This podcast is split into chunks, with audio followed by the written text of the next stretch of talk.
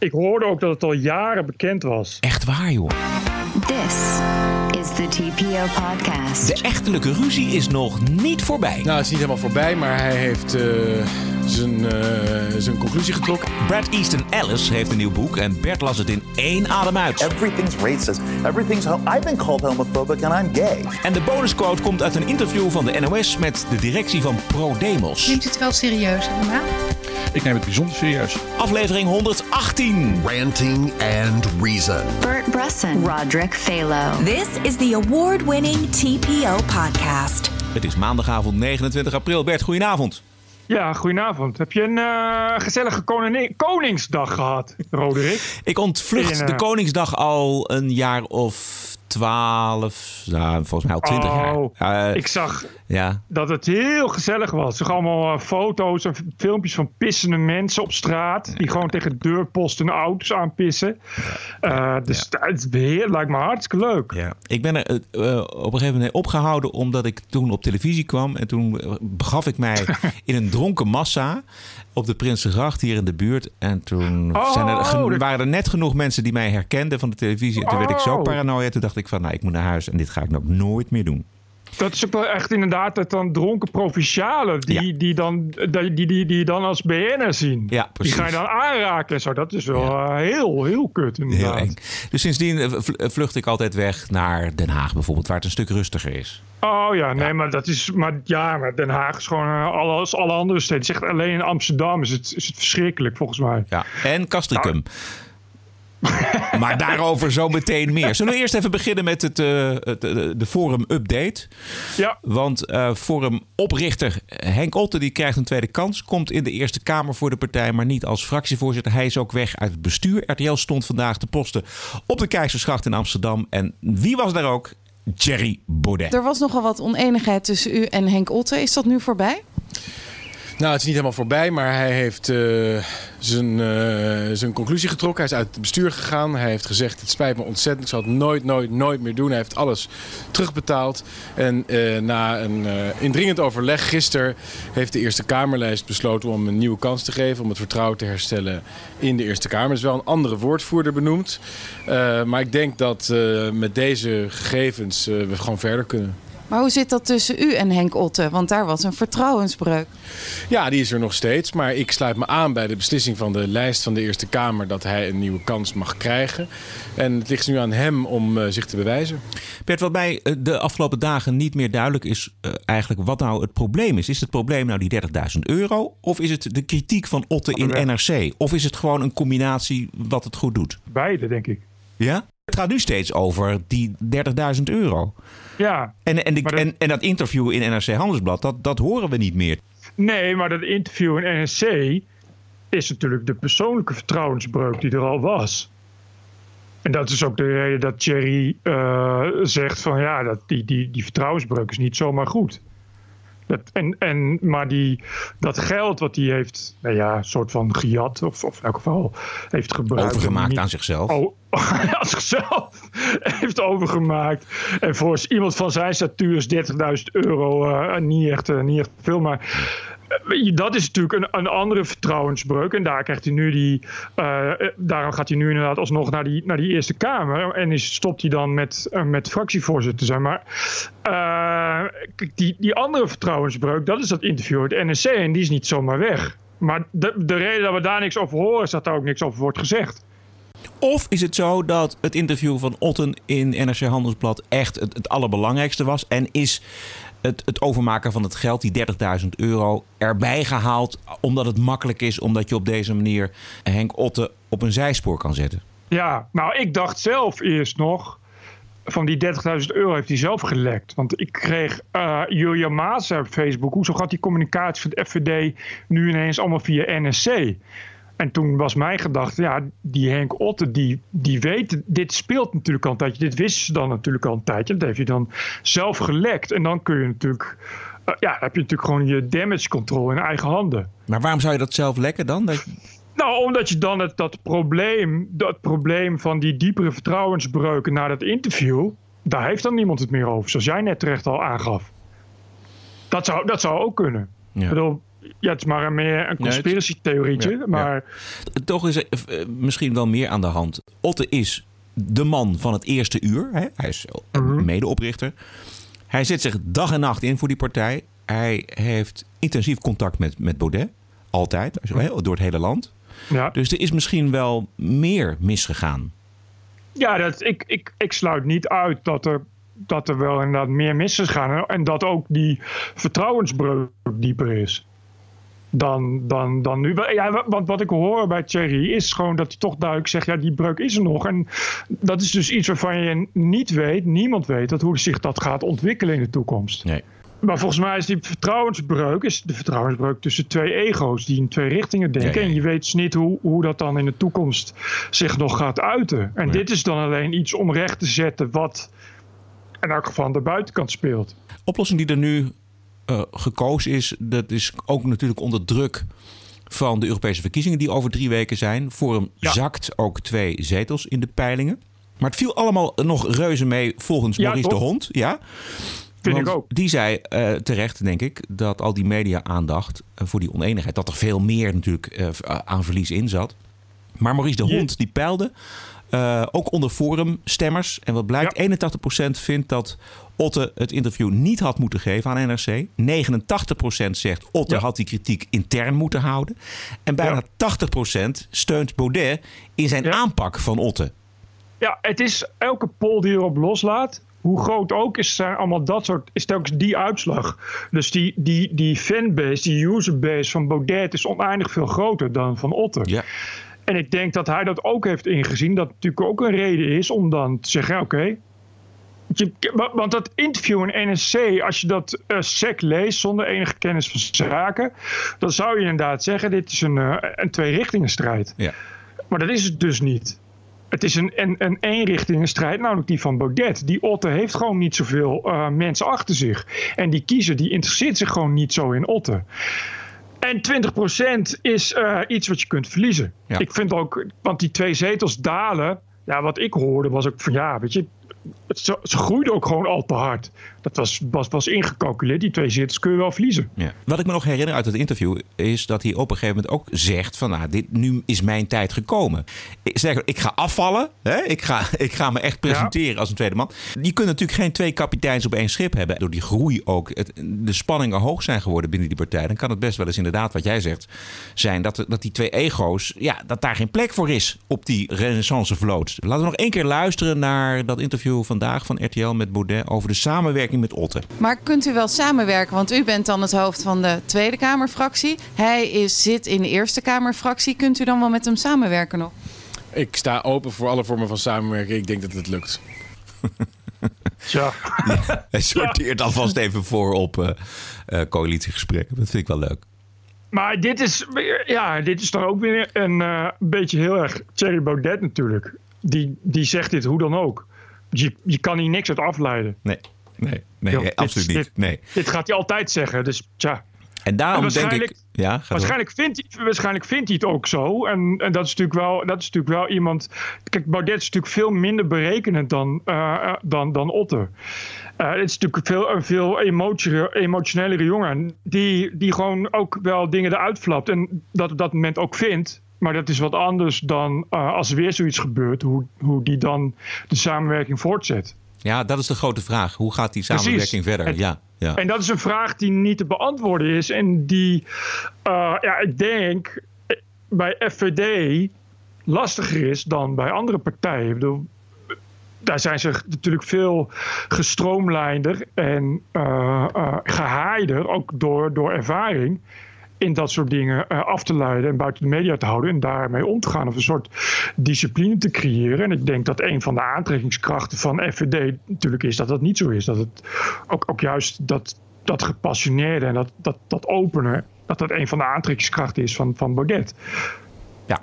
Het conflict kan ook tijdelijk zijn bijgelegd nu, hè, vandaag, deze week, met het oog op de Europese verkiezingen. Zondag zat Hiddema Precies.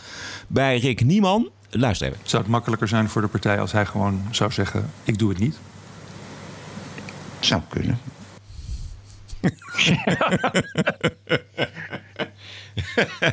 Niemand die de gedachten leest van, eh, van Hiddema.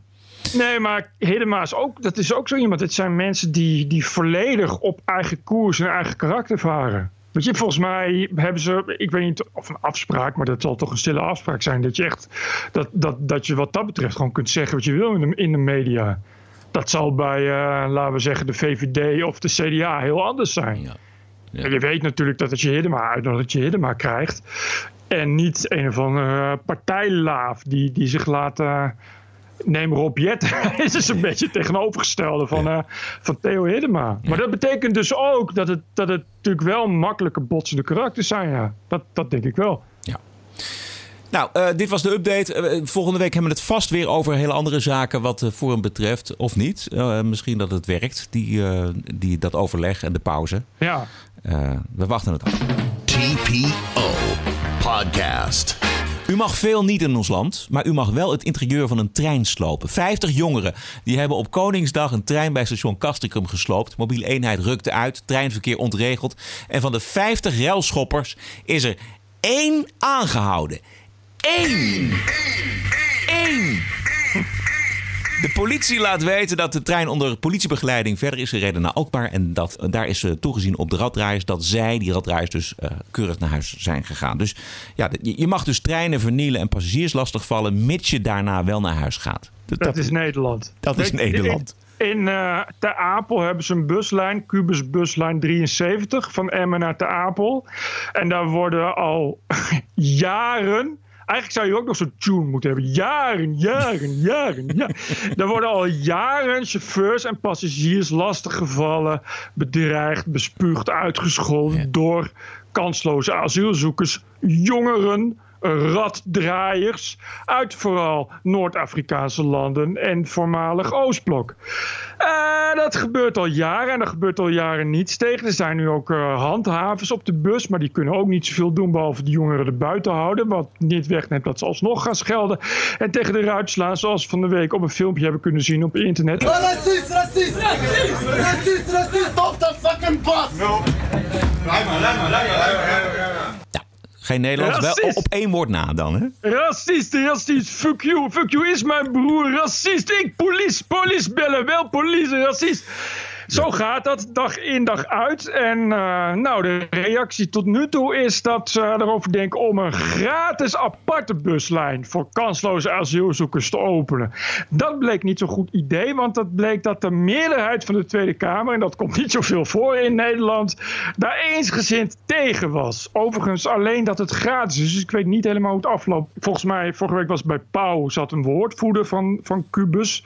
Dat is dus uh, de, degene die die bus exploiteert ja, die, die weet het gewoon ook niet meer. En uh, er gebeurt gewoon nog steeds niets. Het is dus al jaren letterlijk terreur.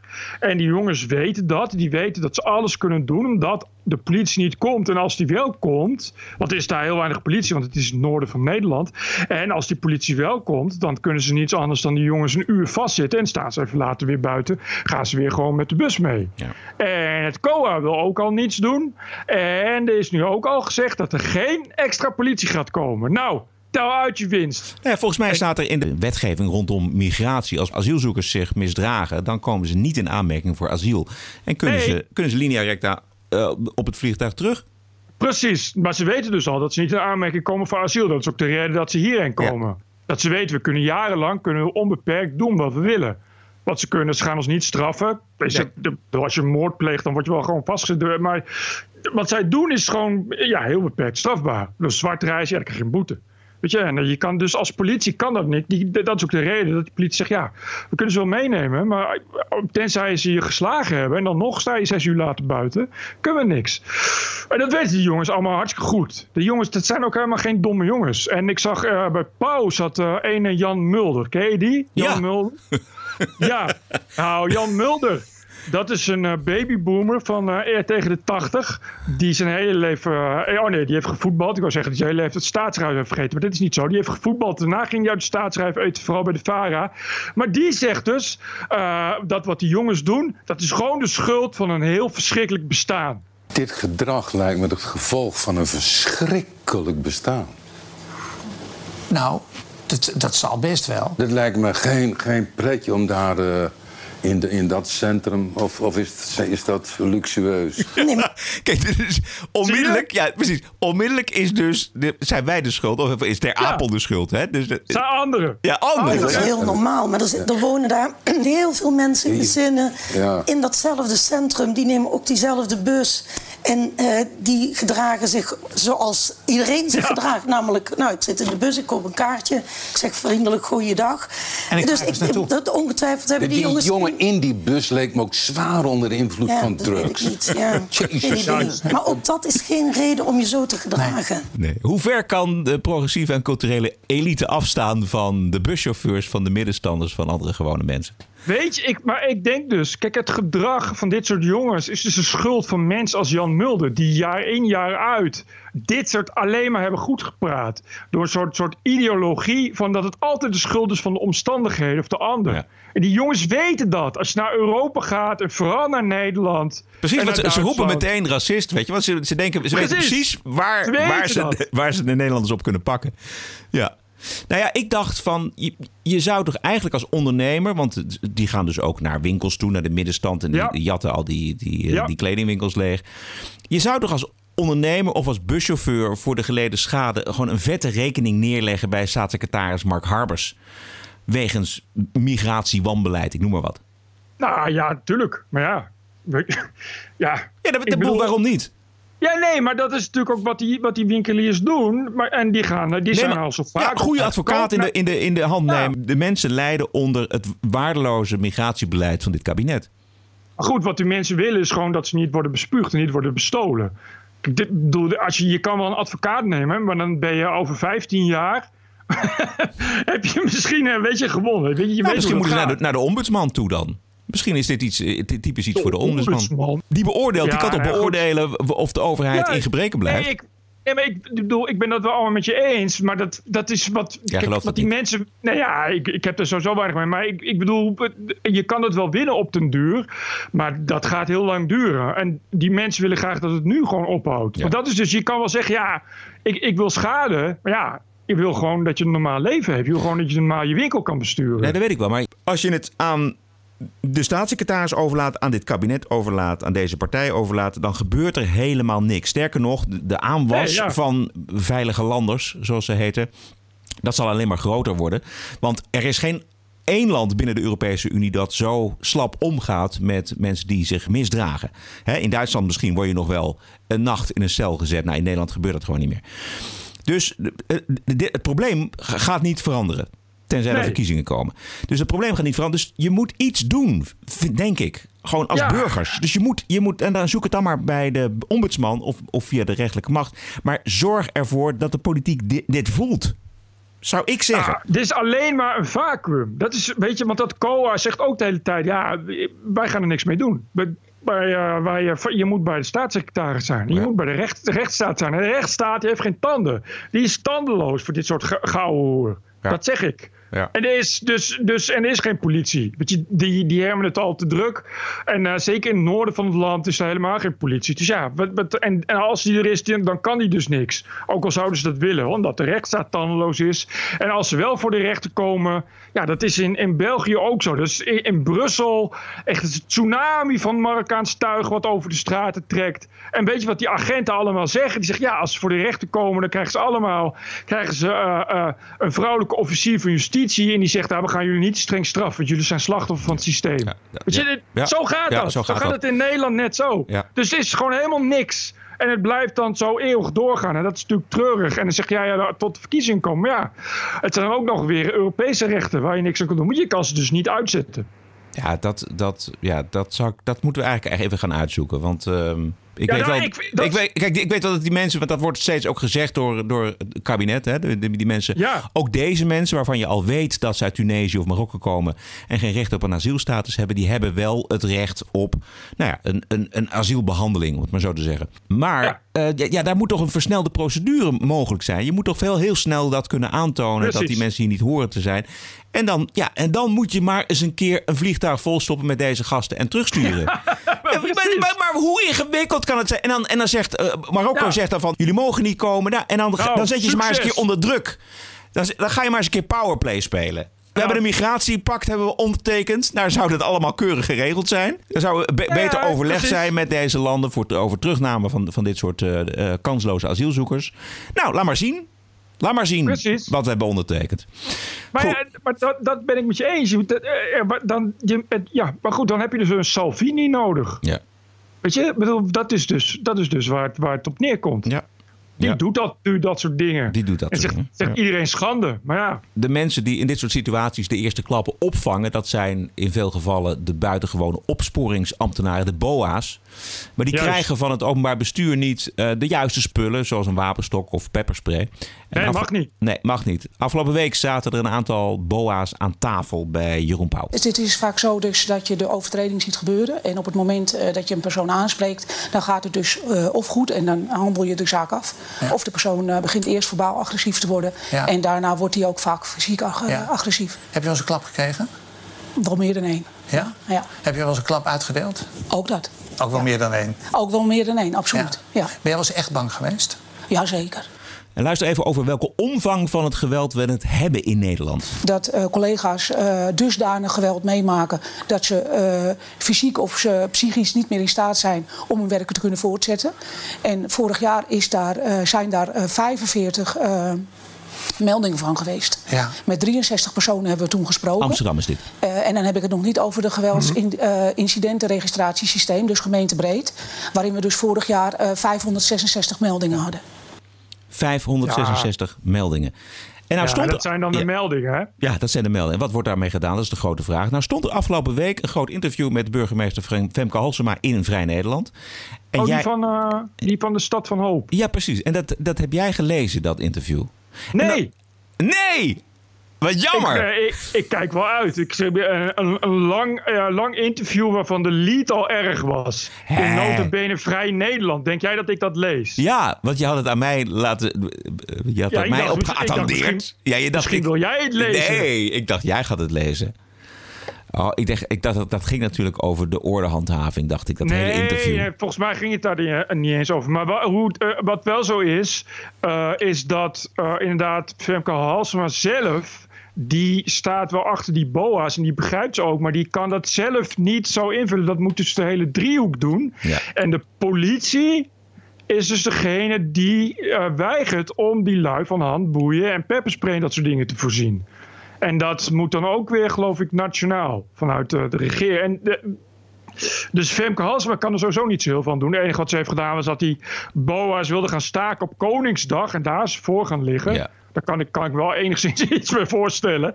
Maar eh, zij, zij kan dus niet zelfstandig die BOA's gaan uitrusten met wapens. Nee, en maar het is gewoon eh, absurd dat dat niet kan. Nee, maar, Dat- ze, dus, nee, maar ze, kan Ja. wel, ze kan wel zeggen tegen. Ze heeft contact met die driehoek, dus ze kan wel daarop aandringen. Ja, ja, maar het is toch absurd. Dat, dat gebeurt dus volgens mij heel lang. En het, die BOA's zeuren ook heel lang over.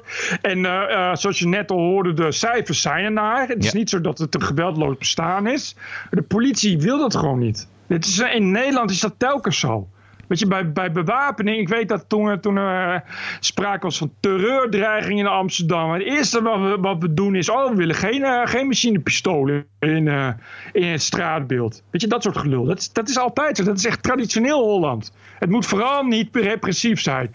In eh, België eh, gooien ze gewoon eh, meteen eh, een paratroepers op straat als er een aanslag is. In Nederland is het daar liever niet. Weet je, het is, al, maar het is altijd, het is vanaf het begin af aan is dat zo geweest. En, en dus er valt ook wel wat voor te zeggen. Nou, bedoel- de-escaleren, dat is het natuurlijk het idee. Maar ja, op een gegeven moment, je net, je hoorde het net aan die mevrouw, die zei van ja, weet je, op een gegeven moment zijn ze gewoon echt uit op geweld. En je, Ja, ja, maar als het is- BOA je kan- heb je geen enkele uitstraling van gezag als je geen pepperspray hebt of een wapenstok waar je mee kan slaan. Je, je bent gewoon een wandelende schietschijf. Of in elk geval van een mapschijf. Als je ook leest wat voor geweld. Het is echt. Het, is gewoon, het, het punt is dat die stad Amsterdam in 2019. Dat kun je gewoon niet meer zo doen. Dat is de samenleving gewoon niet meer naar. En dat is het probleem. En wat de politie doet is zeggen: ja. Eh, Wij hebben het geweldsmonopolie. En die misbruiken dat omdat ze juist meer agenten willen. En Den Haag wil niet meer agenten sturen. Is Dus dat, is dat het? dit- ja, het is een politiek spel. Van Want de dat is politie? wat, ja, nou, m, onder andere van de Ja. politie en van de politiek. Het is, uiteindelijk is het een politieke beslissing. En het is natuurlijk treurig dat je boos wat, wat mensen zijn die. Uh, ja, een beetje uit alle geleden van de samenleving. Die in wezen heel goed werk doen, dat ook gaan doen. Omdat ze iets willen bijdragen. Een beetje wat, wat je vroeger was je vrijwillig agent en brandweerman. Ja, je kan dat als je werk doen als BOA. En het idee is natuurlijk ook dat je inderdaad ja, fietsers bekeurt. En zegt, die mag hier niet fietsen. Maar de praktijk in Amsterdam, ja, dat hebben we toen gezien aan, aan wat die, wat, wat die uh, Amsterdamse ombudsman heeft geturfd. Ja. Ja. Weet je, de, één gemiddelde nacht is al een soort, is al een soort helhol. Laat staan dat je daar. Ja. En, en, als je leest, ik zag van de week ook een, een, een, een interview met. Dat waren overigens politieagenten. Dus die zijn dan ook nog gewapend. Met agenten die, die te maken hadden met geweld. En hoe dat gaat. En in Amsterdam. En die dan ook. En dat is al die interviews dat je leest, dat ze zeggen: ja, we zijn blij dat we nog leven. Ja. En je weet gewoon niet wat er gebeurt. En het zijn er gewoon vijf man die op je hoofd gaan staan en gewoon niet meer ophouden. En de enige reden dat je dat overleeft, is dat je op tijd nog uh, hulp kan inroepen. Weet je, dat gaat ook de hele tijd om die daders, wat bijna altijd alleen maar mannen zijn, zeg ik meteen maar even bij om even ja. een fijn privilege aan te boren. Uh, als je ze pepper spreekt, helpt het gewoon niet. Weet je wat, het zijn allemaal lui die stijf staan van de drugs. En stijf staan van de alcohol. Maar gewoon helemaal niets. Daar heb je vijf agenten nodig om, om dat soort lui tegen te houden. Dat is uh, de realiteit van een nachtje Amsterdam. Dat is de realiteit waar je als handhaver op de wallen en in het centrum mee te maken hebt. Ja. En dan moet ik toch denken aan het nog steeds weer, kom ik terug op Praag. Wat daar gebeurd is met die Nederlanders. En mm -hmm. die, ja, we, we, moeten nog even wachten op uh, hoeveel straf ze krijgen. Maar in Praag wordt er uit een heel ander vaatje getapt. Um, ja. En ik, ben, ik word steeds meer uh, enthousiast over de straffen die ze daar geven voor dit soort wangedrag. dan uh, dat softe gedoe in Nederland. Maar dat is ook zoiets, hè? dat speelt hier ook echt al, al 20 jaar, misschien wel langer. Ja. Dat er elke keer is er een staatssecretaris die zegt: We gaan uh, geweld tegen hulpverleners gaan we echt keihard aanpakken. We gaan de strafmaat gaan we verdubbelen. En dat betekent dat je in plaats van 50 uur 100 uur taakstraf krijgt. en dat is toch tot daar aan toe. En dan krijg je, oh, we gaan snelrecht toepassen. En dan blijkt snelrecht, ja, dat, is, dat, is niet, uh, dat wordt weggewuifd door de meeste rechters. En dan is, is er uh, een geweld tegen hulpverlener. Dan eist een officier die zegt, ja, want dit is geweld tegen hulpverlener. Dus ik eis een dubbele taakstraf. Dan zegt die rechter, nee, ik ga hier niet in mee. Ik ga niet mee in dit soort geluiden van de samenleving. Dat is waar het ja. op uitdraait. Het lukt gewoon niet, weet je. Je moet dus inderdaad dan gewoon zeggen, oké, okay, we gaan voortaan bij ernstig geweld tegen hulpverleners. Gaat de uh, officier gaat gewoon 18 jaar eisen. Dat je, dat je met een beetje geluk op 10 jaar uitkomt. Maar dat, dat lukt dus niet in Nederland. Weet je, en dat, dat is wat je moet doen. Dat is eigenlijk ook wat, wat die agenten zeggen. Wat, wat uh, uh, brandweerlieden en ambulances zeggen. En wat BOA's zeggen. Is dat ze zeggen: we willen iemand die voor ons gaat staan. Die voor ons opkomt. Ja. Waarvan we het idee hebben dat we er toe doen. Dat ja. is wat we zeggen. En dat gebeurt dus niet. Nee. Maar dan kom je toch weer terug in de Tweede Kamer. Want daar worden de wetten bedacht en gemaakt. Mm -hmm. Hè, waar de rechters vervolgens uh, zich ook aan moeten houden. Dus. Mm -hmm het is toch een politieke zaak. Er moet in de Tweede Kamer een meerderheid komen voor echt veel en veel harde straffen. Die uh, gevangenissen die nu leegstaan en worden omgebouwd, daar moet onmiddellijk mee gestopt worden. Die moeten gewoon weer vol met dit tuig. Pak aan, afgedaan voor je. Ben jij eens echt bang geweest? Jazeker. En hoop is overal om ons heen aanwezig. En dan denk ik, top. Ranting and Reason. De gemeente Utrecht gaat al het personeel op diversiteitstraining sturen. Het zijn de bekende cursussen ter bestrijding van de onbewuste vooroordelen over ras en huidskleur en geaardheid. Het feest is bedacht door GroenLinks-wethouder Linda Voortman. Vijf jaar geleden, nog Tweede Kamerlid voor GroenLinks, ondervraagd over diversiteit in 2014 door Poont. Er is geen sprake van het Marokkanenprobleem. Er is een probleem op We hebben toch een probleem? Er is een probleem dat bijvoorbeeld Marokkaanse jongeren vaker werkloos uh, zijn. Dat is een werkloosheidsprobleem. En dat is ook een probleem waar die jongeren mee te maken hebben en waar we dus wat aan moeten doen. Een werkloosheidsprobleem, dat ze een grensrechter in elkaar staan te trappen? Dat is een werkloosheidsprobleem. Nee, dat is een probleem als het gaat om geweld op het voetbalveld. Oh, dat is een voetbalprobleem. ja, dat is een uh, legendarisch interview, even nu legendarische interviews uh, van Rutger. Um, nou, kijk, dit is dus uh, Linda Voortman. En Linda Voortman die, zit, die is ja, weggegaan uit uh, de Tweede Kamer. En daar zat volgens mij een akkefietje zat ja. daarbij. Kan je dat nog herinneren? Was dat, eh, ja, maar eh, ging dat toen over die ombudsman? Want volgens mij, er was Ja, die oud, ja, ja. oud ANWB-baas, volgens mij. Ja, wacht even. Ik heb het, ik heb het hier. Ik heb het hier. Wacht even. Ah, Laat- laat ah, even. GroenLinks-Kamerlid Linda Voortman is door fractievoorzitter Bram van Ooyek per direct voor een maand geschorst. Vorige week lekte een lijst uit van mensen die gesolliciteerd hadden naar de functie van nationale ombudsman. Linda Voortman heeft de vertrouwelijke lijst met name gezien en besproken met anderen. En dat is tegen de regels. Vijf jaar Juist. geleden dus. Nog in de Tweede Kamer, maar nu vertrokken, of toen vertrokken, eh, wegens dit akkefietje. En dus is ze wethouder geworden in Utrecht, waar ze volgens mij ook Ja. woont. En nu bedenkt ze dus deze hele diversiteitstraining. Het is verschrikkelijk. Ja. Ik, eh, was het niet ook zo, is dat niet ook Utrecht, dat ze ook meer eh, mensen van kleur eh, quota gaan aannemen omdat de werkvloer te wit was? Ja, dat is de uni- Universiteit van Utrecht. Dat en was dat de is, universiteit, ja. oké, en dat ja. is geweldig gedebunked door, ehm, volgens mij was dat zo'n jongen die op Twitter heel erg statistisch goed bezig is. Oh ja. Josse Voogd. Die had dat precies eh, uitgelegd van ja, maar wacht even. Een universiteit is een universiteit niet alleen voor Utrecht, maar voor heel Nederland. En als je dan gaat Juist. kijken naar eh, de, de diversiteit op die universiteit, dan, dan is het allemaal keurig eh, in orde. Maar goed, Maar het bloedkruid waar niet gaan kan. Deze Voortman die, die is nu bezig met al het personeel in de gemeente Utrecht op training sturen, Bert. Oh, ik zag laatst een voorbeeldje van zo'n training. Dat was wel, eh, het was wel een Amerikaans voorbeeldje, dus dat zal nog iets erger zijn.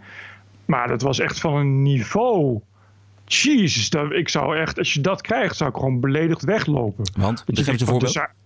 Nee, dat- het is eh, gewoon op kleuterniveau. Dan krijg je een plaatje met eh, zie je een zwarte meneer die klaagt dat hij is gediscrimineerd. En dan is de vraag, eh, hoe moet je antwoorden? En dan kan je kiezen uit drie antwoorden. Ja. En dan het goede antwoord is, ja, ik begrijp dat het heel erg is. Ik vind het heel goed dat je je zo openstelt. En dan moet je dan op klikken. En dat soort dingen. Maar het is echt, echt ziek. Ik heb daar één of twee keer een column over geschreven. Toen heb ik mij ook verdiept in de effectiviteit van dit soort cursussen. Er is al heel veel onderzoek naar gedaan in Amerika. Want daar spelen die cursussen al echt decennia achter elkaar. Het resultaat is dat het precies het tegenovergestelde oplevert. Want Nou. mensen, ja, mensen bewust maken van eh, dat andere mensen anders zijn. Dat zorgt er juist voor dat mensen zich heel erg afkeren van die diversiteitstrainingen. En Jordan Peterson heeft daar ook al het een en ander over gezegd. Want dit is ook helemaal zijn topic. Luister even. Let's say you do have unconscious bias, just for the sake of argument, and you could measure it reliably, which you can't, and then it was valid, which it isn't. Let's say all of those things were in case. There's no evidence whatsoever that those damn unconscious bias training programs, retraining programs, have the effect that they're supposed to have, and there's some evidence that they actually have the reverse effect. And maybe that's because people don't really like being marched off to re education by their employers after they've been diagnosed as racist, even if there's no evidence that they in fact are. So it's an absolute misuse of psychology, and it's and it's it's politically motivated. It's an assault on freedom. Exact. Het is po- politiek gemotiveerd. Exact. Want wat deze Linda Voortman eigenlijk zegt tegen het personeel: U bent een racist. Ja. En als u het niet in de gaten heeft, dan kan dat kloppen. Want u heeft vooroordelen waar u zichzelf niet van bewust bent. Ja, precies. Het is allemaal heel Orwelliaans. Want het is, eh, wat je zegt, van, jullie zijn allemaal racisten. Huh? ik racist? Ik werk gewoon met een zwarte collega. En, ja, het is niks aan de hand. Nee, nee, nee, je bent racist. Je weet dat alleen zelf niet. Juist. Want dat komt dat je eh, een wit privilege hebt, waardoor je jezelf gewoon niet bewust bent van, eh, van je racisme. Wat echt, ja, ik, het is gewoon heel eng als je erbij stilstaat wat er dan allemaal wordt gezegd.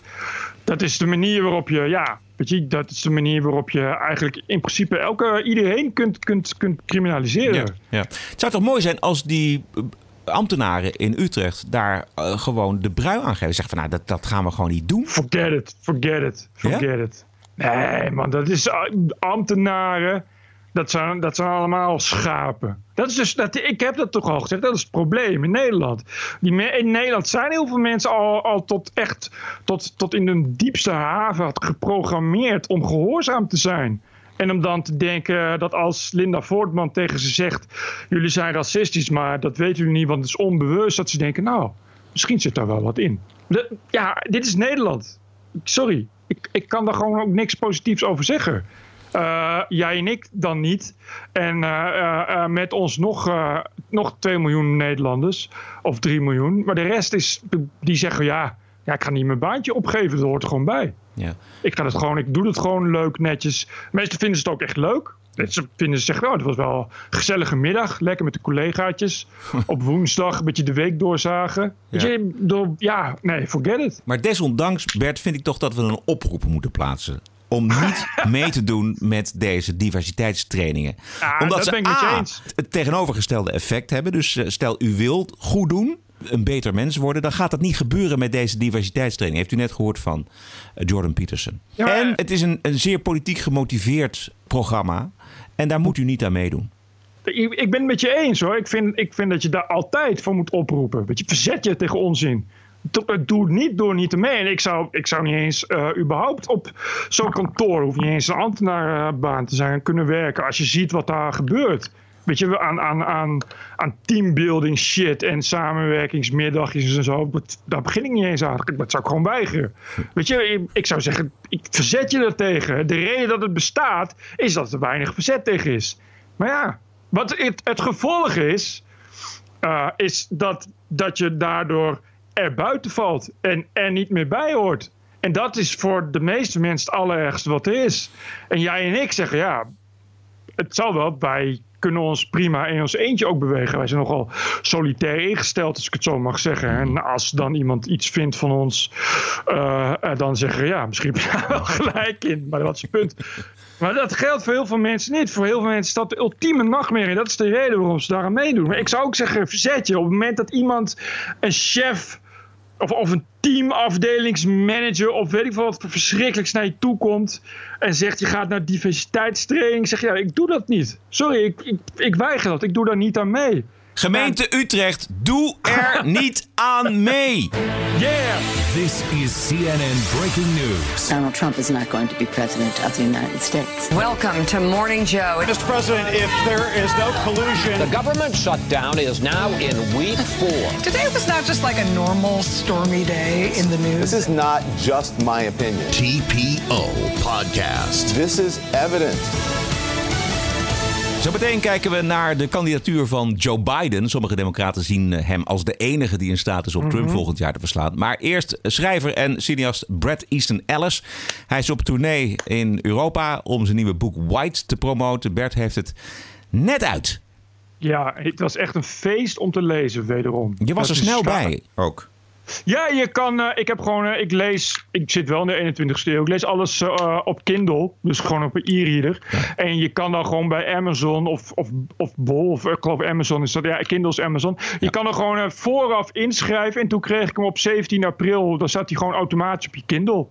Dus dan heb je meteen ook binnen. Oké, ik ben heel benieuwd wat je ervan vindt. Zullen we eerst even luisteren naar Brad zelf op de Britse tv bij Channel 4. Is misogyny and homophobia really the worst things out there? I mean, I really wonder sometimes. We make such a huge deal out of this. Everything's misogynist. Everything's racist. Everything's. Ho- I've been called homophobic and I'm gay. so it's like crazy out there now. It's so PC, so sensitive. Yeah, but would you feel that if you weren't both white and male?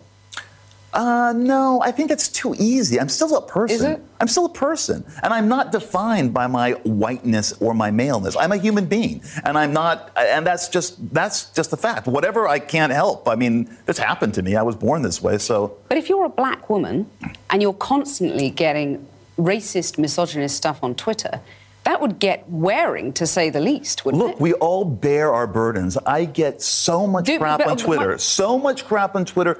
Probably much more than that black woman probably gets. Really? well, they'd be kicked off. Those people would be kicked off. You can't really be that horrible. You can't be that racist on Twitter without people calling you out and having your things canceled and having your account blocked. Ja. Het boek heet White. Waarom? Ja, dat is een goede vraag. Het gaat, ja, eh, het heeft in, in de verte natuurlijk betrekking op. eh, eh, ja, dit is een beetje, beetje de kern van, van, van deze, wat er gebeurt in deze tijd. Hè? Dus, dus de politieke correctheid. En hij heeft het dan maar white genoemd, vooral om te provoceren. Uh, want dat, hij schrijft ook ergens in een interview dat hij zegt: Ja, ik dacht, laat ik het maar white noemen. Dat weet je al dat mensen daar ook boos over worden, want dan denken ze dat het over blank gaat. Maar uh, nou ja, en hij herkent in zichzelf, uh, hij heeft het ook over, over white privilege. het interessante is aan het boek, is wat hij doet, is dat hij begint waar hij in is opgegroeid. En hij is een, net als jij, Roderick, een archetype generatie X. Hij is volgens mij echt bijna exact zo oud als jij. Ik ben ook generatie X, maar ik zit er net een beetje zo op het handje nog.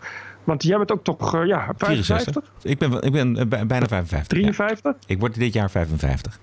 Ja, nee, maar goed. Uh, Brad Easton Ellis ook. Dus uh, hij is in, in, in, dat tijdperk opgegroeid. En zoals je weet zijn generatie X's, ja, die zijn cynisch en ironisch.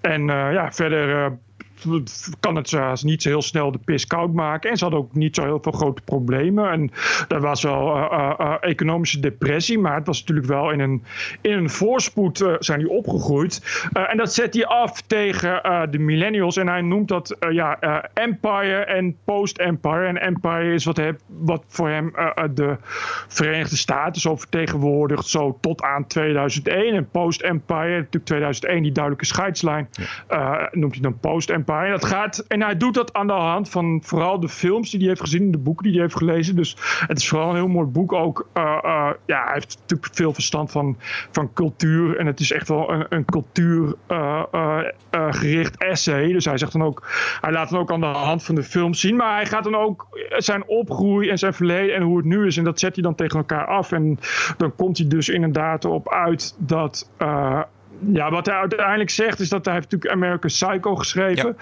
Uh, uh, wat gaat over Patrick Bateman, die al dan niet wel of geen ingebeelde seriemoordenaar is. Maar in elk geval gaat het over, over totale leegte en hebzucht. En de totale geschiftheid van, van het New Yorker jumpenbestaan in de jaren tachtig. En wat hij uiteindelijk zegt is van ja, weet je. Uh, waar we nu in leven en wat er nu gaande is, als je nu naar Manhattan gaat, dat is eigenlijk American Psycho on steroids. Dus het is nu al honderd keer erger. En dat is kan hij eigenlijk ook niet meer overzien. Hij begrijpt het ook niet meer. En hetzelfde geldt voor. Uh, ja, uh, even, even Bert, wat bedoelt hij daarmee? Want ge geeft hij daar een voorbeeld van? Waarom is het ja, ja, een gekke huis nu?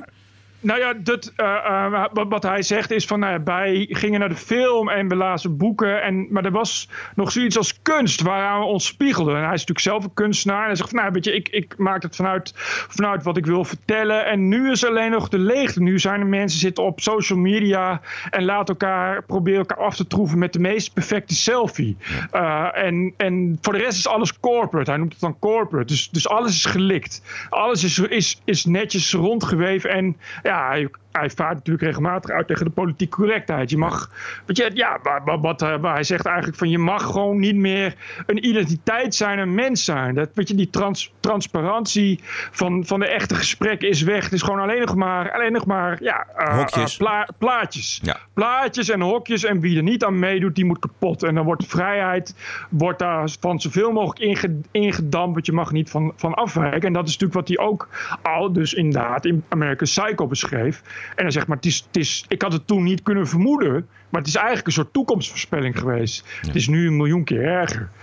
Ja, uh, ja en, en verder ja, gaat het dus natuurlijk inderdaad over de Generation Worse. De, de millennials die voor eeuwig gekwetst zijn. De grap is overigens dat hij... Uh, hij woont samen, hij leeft samen met een millennial. En die beschrijft hij ook op die manier in geuren en kleuren. Die vindt het kennelijk allemaal prima. Maar dat is ook, die zegt ook, hij zegt van ja, dat is, dat is iemand die gewoon ook gewoon helemaal kapot ging aan het Trump derangement. Die heeft ook 2,5 jaar voor de televisie gezeten zitten juichen dat het Mueller-rapport zou komen en dat hij dan werd impeached. En daarna, toen het Mueller-rapport uitkwam, is hij een week lang depressief geweest. Heb ik niks meer van hem gehoord. Dus een beetje dat, dat idee. En, Zondag zat de Nederlandse schrijver en journalist Ian Burima, uh, woonachtig in Amerika, bij Buitenhof over precies dit onderwerp. Burma is, is ontslagen bij de New York uh, Review of Books, omdat hij iemand aan het woord liet over MeToo. Die hij volgens Hij de Inquisitie niet aan het woord had mogen laten. Precies. En eh, er zat, zoals Theo de Holman al twitterde, weinig nieuws in het gesprek. Maar toch een paar uitspraken die ook mooi aansluiten bij eh, Brad Easton Ellis. Bijvoorbeeld over de neiging tot zelfcensuur. Ik denk dat het openbare debat nu door dit soort dingen, ook door mijn geval, dat er een van de gevolgen is dat redacteuren die nog wel bezig zijn in print en op het internet veel te voorzichtig zijn geworden. Dat mensen durven geen risico's meer te nemen. Ze durven niet meer te provoceren. Ze durven niet meer een stem te laten horen die controversieel zou kunnen zijn. Je hebt nou Amerikaanse, bij Amerikaanse uitgevers zogenaamde sensitivity editors. Mensen die er alleen maar voor gaan zitten om te kijken of een boek geen enkele minderheid zou kunnen kwetsen. Of een, een persoon die wordt opgevoerd niet als kwetsend zou kunnen worden ervaren. Ja, nou, dan, dan durven mensen niks meer. Dan, en dan ga je jezelf natuurlijk uiteindelijk censureren als je romanschrijver bent of filmmaker. Dit is de hel. Ja. Nou ja, maar dit, is, dit, dit, dit beschrijft Brad Easton Ellis precies zo. Dat is dus dat hij zegt van ja, bij, eh, eh, het esthetische waar hij dus zijn hele leven troost uit haalde, ehm, valt weg omdat die kunst niet meer wordt gemaakt. Ja, Hij, zegt ook, hij zegt ook van ja, eh, toen ik mijn eerste boek schreef was ik eerst 21. Hij zegt van als ik nu 21 was, dan zou- ik niet meer kunnen schrijven wat ik toen schreef. Weet je, iets als American Psycho helemaal. Dat zou, hij schrijft ook op een gegeven moment ook echt letterlijk van ik zou dat dan nu niet meer durven. Nee. Dus ja, je ziet het op alle, op alle terreinen, eh, Bert. Want of het nou een dichter is die zijn gedicht niet meer mag voordragen... of een kunstenaar die ophef veroorzaakt... en, en eh, eh, uit een museum moet worden verwijderd... omdat er iets niet, niet deugt of dat het de verkeerde naam of verkeerde titel heeft. Alles boven het maaiveld wordt weggeslagen. De afgelopen dagen ook weer mee geconfronteerd en nagedacht over... waarom het nou zo is dat ehm, die inquisitie zo'n enorme macht heeft. Als we niet luisteren naar de inquisitie, dan is, het, dan is het probleem volgens mij in één keer opgelost. Ja, maar goed, weet je, eh, die vraag van waarom eh, doen mensen dat? Waarom, waarom luisteren ze zo snel naar? Waarom, waarom willen ze inderdaad daar zo graag bij horen, daar mee, meelopen? Waarom, weet je, eh, is natuurlijk wel echt een, een, een existentiële vraag die past in het rijtje. Wat is het nut van het leven en eh, wat is er na de dood? Omdat je het is natuurlijk altijd al zo geweest dat er, dat, er, dat er een groep is van mensen die dat doen. En daar inderdaad de kunstenaars en, en de gekken en, en weet ik veel wat. Ja, de, de groep controversiële. En, en nou, we hebben er ook allemaal labels en termen voor gevonden. eh, excentrieken en weet ik veel wat. Die daar dus buiten staan en buiten vallen. Die dat dan niet doen. En hoe kan het nou hè, dat dat dan een minderheid is en dat dan die meerderheid daar wel voor gaat? Dat is natuurlijk geen eenduidig antwoord op te geven. Nee. Kunt natuurlijk- Conformisme en groepsdwang natuurlijk. Precies. Eh, wat, je Precies. ziet, wat je ziet bij, bij, het, bij, het- bij de communisten en bij de fascisten ook vooral. hè. Het is dus wat dat betreft echt zeer totalitair en gericht op controle. Maar, maar we- waarom ben jij er niet bang voor, bijvoorbeeld? Je- Ik zie, jij, jij, wat je, je schrijft columns op Twitter en dan zie ik allemaal collega's, journalisten van jou, reageren erop en die zeggen regelmatig, schande dat jij voor RTL journalist bent. Je, zou, je zou je daar zorgen over kunnen maken. Maar, maar wat is dan wat jou drijft dat je, dat, dat je daar geen zorgen over hebt? Los van het feit dat, dat, weet je, dat je weet dat er bij RTL niemand dan naast je bureau gaat staan. Maar ik bedoel, you, get my drift. Ja, ja, ja. ja. Ik word er alleen maar opstandig van, Bert. Ik word er alleen maar eh, bozer van. En het, het is een, een vuur voor mij, omdat iedereen één kant op gaat. Ja, maar goed, maar dat, dat, de antwoord is dus. Ik voel dat zo. Ja. Je- je- precies. Ik, ik heb hetzelfde, maar dat is dus. Dus, dus soms zijn er mensen die, die, eh, die worden daar opstandig van. Die zien inderdaad, als iedereen alles het zelf doet, dan ga ik iets anders. Dan ga ik juist iets anders doen. Terwijl de rest heeft dan weer heel erg. Als iedereen het zelf doet, wil ik dat ook doen. Want ik wil daarbij horen. De hordes die erop uit zijn om andere mensen kapot te maken, alleen maar omdat ze het niet eens zijn met wat de ander zegt. Dat is eigenlijk de, hè, dat is het enige. En we gaan even nog luisteren naar, naar eh, Buruma ehm, in dat interview met Diana Matroos bij Buitenhof. Die zegt er ook iets over. Uw belangrijkste boodschap misschien daarbinnen is dat een, een hoofdredacteur eh, die nou ja, verantwoordelijk is voor die journalistiek, dat die moet durven en de randen moet opzoeken. Dat, dat, dat heb ik altijd gevonden en dat vind ik nog steeds. Ja, mensen moeten moed hebben. Je zou zeggen dat dat klinkt als een oplossing. Maar ook Burema, die, eh, die moest zijn baan opgeven. Ja, oké, maar goed, hij had ballen genoeg om, om te weten... Uh, ik doe wat ik wil en dat kan me mijn baan kosten. Ja. Je kunt jezelf toch nauwelijks in de spiegel aankijken... als je omwille van andere zaken uh, jezelf geweld aandoet op deze manier? Zou je denken. Wat, een, wat een leven heb je dan als je voortdurend je, je conformistisch opstelt en contrekeur de mening van anderen loopt te verkondigen? Wat is daar voor leuks aan? Wat, is, wat ja. voor leven heb je dan? Ik vraag me dat al 43 jaar af. Dus, en uh, jij waarschijnlijk 55 jaar of 56 jaar. Je, ja, maar die, als je, ja, ik neem aan dat jij ook al heel vaak met die mensen daarover hebt gepraat. Maar als je dat die mensen vraagt, dan, dan zeggen ze van ja, ik, ik, ik hou niet van uh, gezeik. Ja. En ik wil niet, ik wil niet, uh, uh, ik wil dat niet. En die zeggen dan, ja, weet je, jij, jij krijgt bedreigingen en jij wordt iedereen gehaat. En, en als jij naar verjaardag gaat, is het nooit leuk, want je moet je altijd verantwoorden. En dan zegt ja, ik wil dat niet. Ik wil het zo, zo, kijk, ja, ik denk dat het in essentie erop neerkomt dat de meeste mensen uh, een zo makkelijk en aangenaam mogelijk leven willen. En daar horen dit soort dingen niet bij. En dat als je dan ja, niet te veel je nek uitsteekt, heb je daar geen last van. En dat er mensen zijn zoals jij en ik en nog miljoenen, daar niet van. Het is ook niet dat wij de enige strijders zijn, maar de, de rest van, van, de, van de journalisten en schrijvers en kunstenaars en weet ik veel wat, dat die kennelijk een soort heilig vuur in zich hebben, dat ofwel al bestond op het moment dat ze werden geboren, ofwel het wordt door aangewakkerd door iets wat in hun leven plaatsvindt. En dat die zeggen, ja, ik zou het niet kunnen. Maar ik denk dat het voor de meeste mensen gewoon geldt dat ze zo min mogelijk problemen willen. TPO Podcast. De democraat Joe Biden die gaat voor de presidentskandidatuur en wil het opnemen tegen Donald Trump in de verkiezingen van volgend jaar.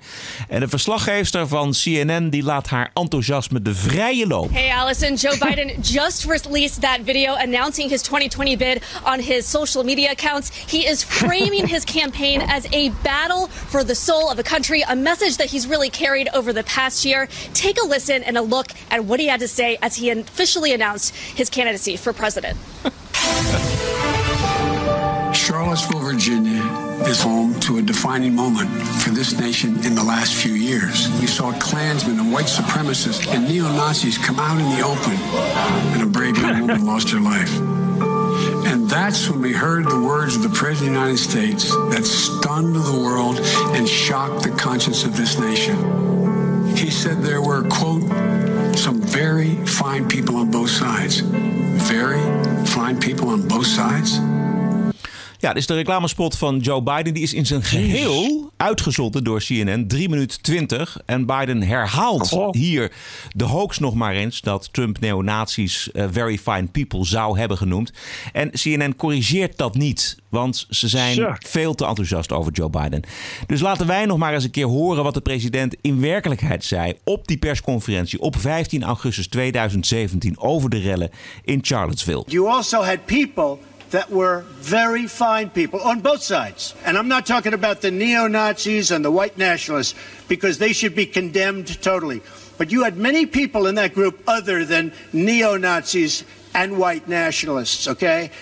Juist. Dus dit is ja. een smerige leug van Joe Biden. En het wordt weer opgenomen door uh, journalisten in Amerika die dit blijven herhalen. Opnieuw een gevalletje wat al lang gedebunked is, maar wat uh, de tegenstanders van Trump mooi uitkomt. En opnieuw wordt gebruikt, gerecycled, terwijl het een hoax is. Het is elke keer weer erger dan je denkt. Ook, ook, CNN is, is uh, op deze manier een soort propagandakanaal ook. De het is niet, die, ook er zit geen kritiek meer. Je hoort inderdaad aan die verslaggever al, die staat bijna te jubelen. Yeah. Als een soort, alsof ze, alsof ze de eerste reis aan de maan aan het bekijken is.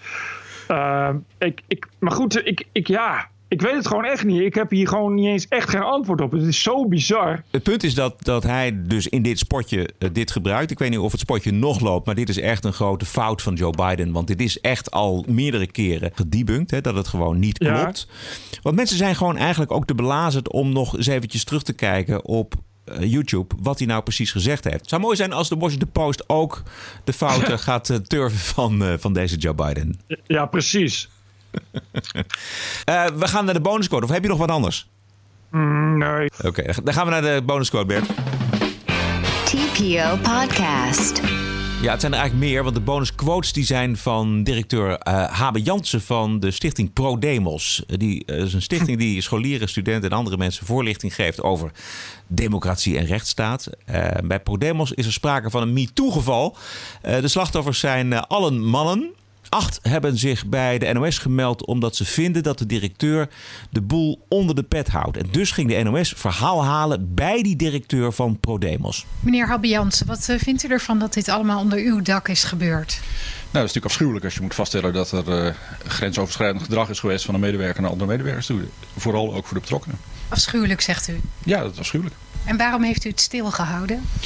Nou, kijk, de verklaringen die tegenover ons zijn afgelegd zijn vertrouwelijk aan ons afgelegd. Er zijn dus medewerkers naar ons toegekomen die juist, en dat is in dit soort zaken heel ingewikkeld, uh, hun verklaring hebben afgelegd op een vertrouwelijke manier. In het vertrouwen dat die ook vertrouwelijk behandeld worden. Dat zijn hele gevoelige kwesties.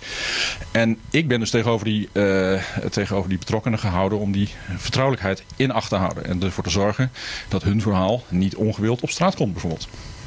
Nou horen wij van uh, medewerkers van u dat ze wel willen dat het naar buiten komt en uh, dat ze helemaal niet hun mond willen houden.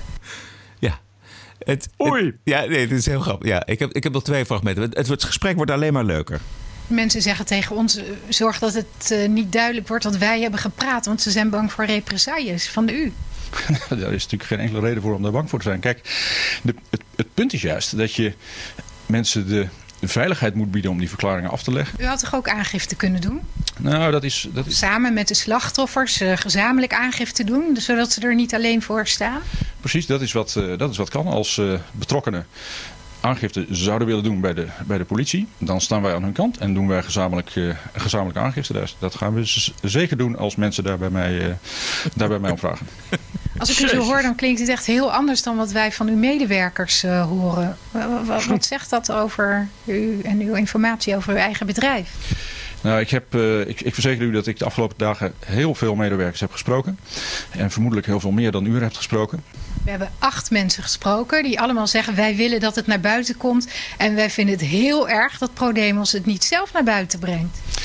Nou, de vraag is wat het... Kijk, het, het, het eerste belang is ervoor te zorgen dat die zaak ja, nee, afgehandeld wordt. Ja, daar komt hij niet meer uit. Nee, dit, dit, is echt applaus voor de, uh, voor de NOS, uh, Berber. Even, even, even. Ja, nee, eens. En, maar het is ook wel echt het is wel heel tragisch. Iets wat in de doofpot moest. Um, Juist. En dat niet gelukt is. Nee, maar dan huur je toch een PR-woordvoerder in. Dat eh, zegt dan niks. Maar dit is duidelijk iemand die niet bepaald uh, zit te wachten op media. En ook niet echt getraind daarin is. Maar dan, als je daar naar luistert, denk je: oh man. Ja. doe het dan ook niet. Klein stukje nog. Neemt u het wel serieus allemaal? Ik neem het bijzonder serieus. Ik neem bijzonder serieus wat hier gebeurd is. Toch ontstaat nu het beeld alsof u graag wilde dat dit uh, verhaal niet naar buiten kwam. Nou, ik wil ja. inderdaad niet dat uh, zaken die door mensen vertrouwelijk aan mij gemeld worden, hè, dus precieze gebeurtenissen, precies wat daar is voorgevallen, dat dat uh, naar buiten komt. Ja, ik vind het een ontzettend leuk interview. Het gaat op een toon dat je denkt, nou ja, het is even allemaal vrij onschuldig. Maar ze stelt precies de goede vragen.